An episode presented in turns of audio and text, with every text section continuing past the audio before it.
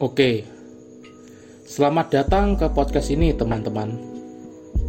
Namun, sebelum kita memulai podcast ini, saya akan memperkenalkan nama saya.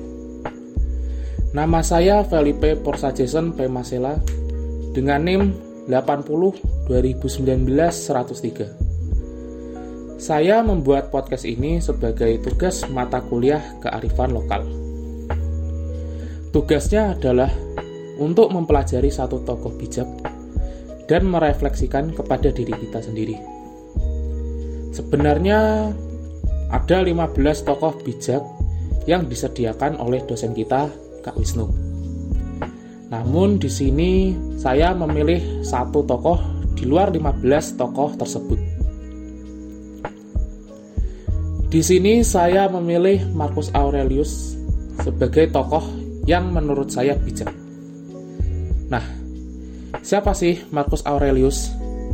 Di sini saya akan menceritakan biografi singkatnya.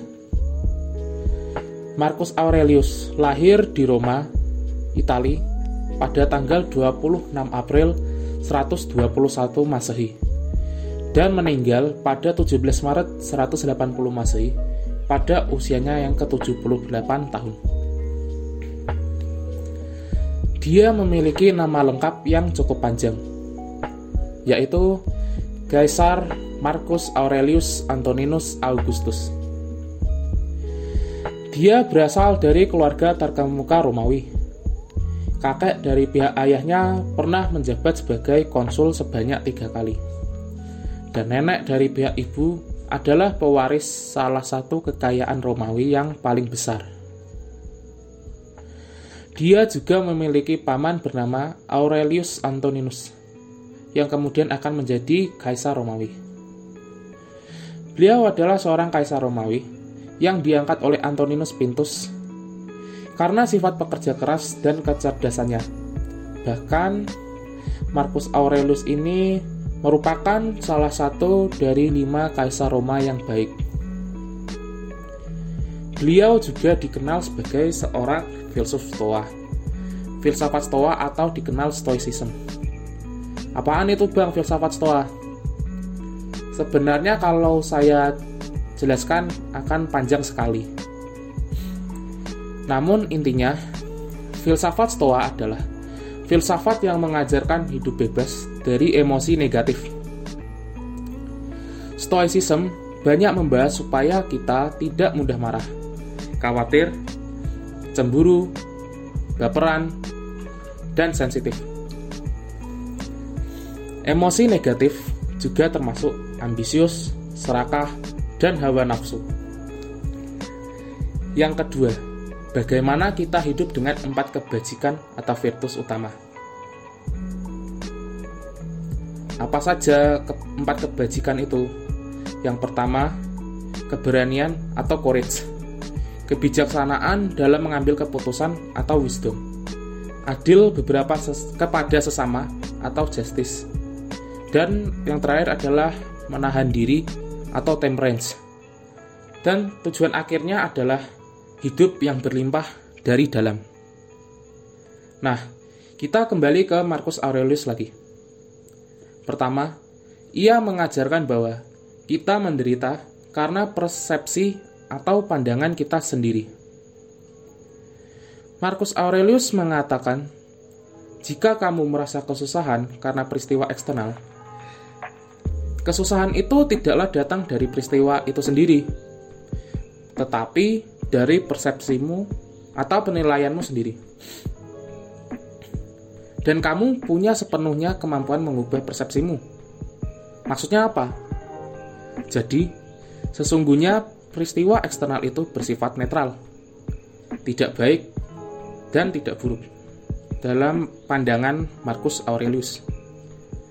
Contoh saja, kuliah online selama pandemik. Bagi Marcus Aurelius, peristiwa ini bersifat netral. Nah, tinggal kita yang mempersepsikannya.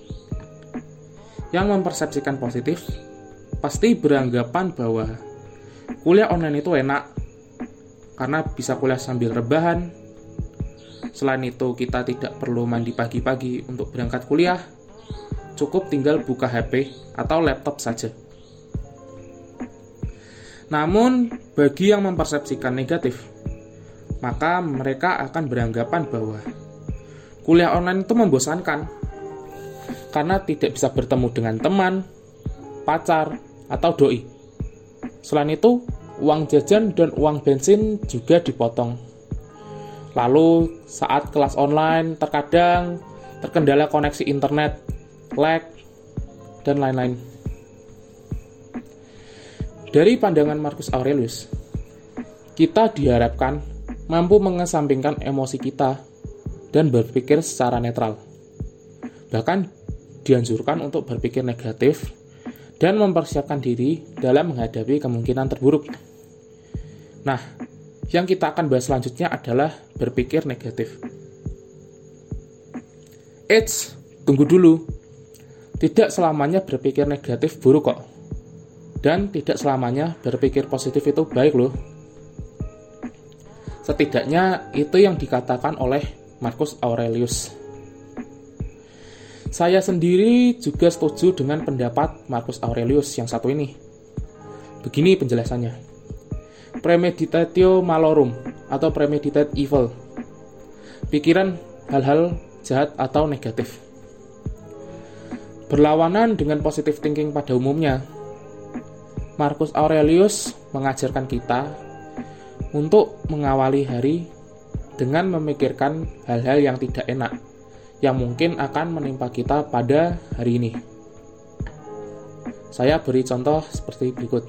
Mungkin kena macet di jalan, ojek deng ojek nyasar, mobil beret diserempet orang, smartphone kita hilang, pacar selingkuh, nilai tes kita jelek, kita kecopetan atau kerampokan, kita kena begal, dan lain-lain. Pemikiran-pemikiran negatif ini memiliki tujuannya, teman-teman.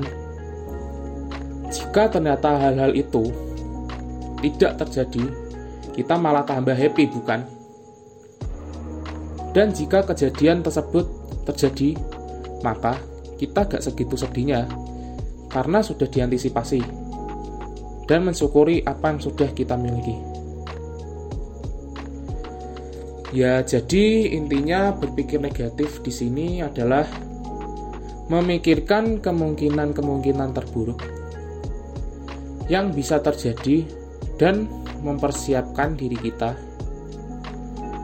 untuk menghadapi hal-hal buruk tersebut. Ya, kalau pri bahasa Indonesia itu adalah uh, sedia payung sebelum hujan. Itu sebenarnya juga berpikir negatif loh teman-teman. Lalu untuk pertanyaan terakhir yaitu apakah kita bisa mencapai kualitas seperti seorang Marcus Aurelius? Kalau menurut saya sih bisa diibaratkan kita melatih otot kita dengan barbel. Tidak mungkin kita hanya latihan barbel sekali aja otot kita langsung tiba-tiba kuat dan besar. Nah, sama halnya dengan kita melatih mental. Tidak mungkin kita hanya baca sekali, kita langsung menjadi orang bijak. Pasti kita terapkan di kehidupan kita sehari-hari sedikit demi sedikit maka kita mungkin bisa mencapai mencapai kebijakan yang diharapkan dari seorang Marcus Aurelius. Jadi demikian cerita tentang Marcus Aurelius. Semoga podcast ini bisa bermanfaat bagi teman-teman yang mendengarkan podcast ini. Oh iya teman-teman, sebelum saya menyudahi ini, saya akan memberikan sedikit quote untuk teman-teman. Quote ini diambil dari kutipan Marcus Aurelius. Begini bunyinya. Kebahagiaan dari hidup Anda bergantung pada kualitas dari pikiran Anda. Oke teman-teman, Demikian podcast saya. Tetap semangat kuliah online-nya teman-teman. God bless.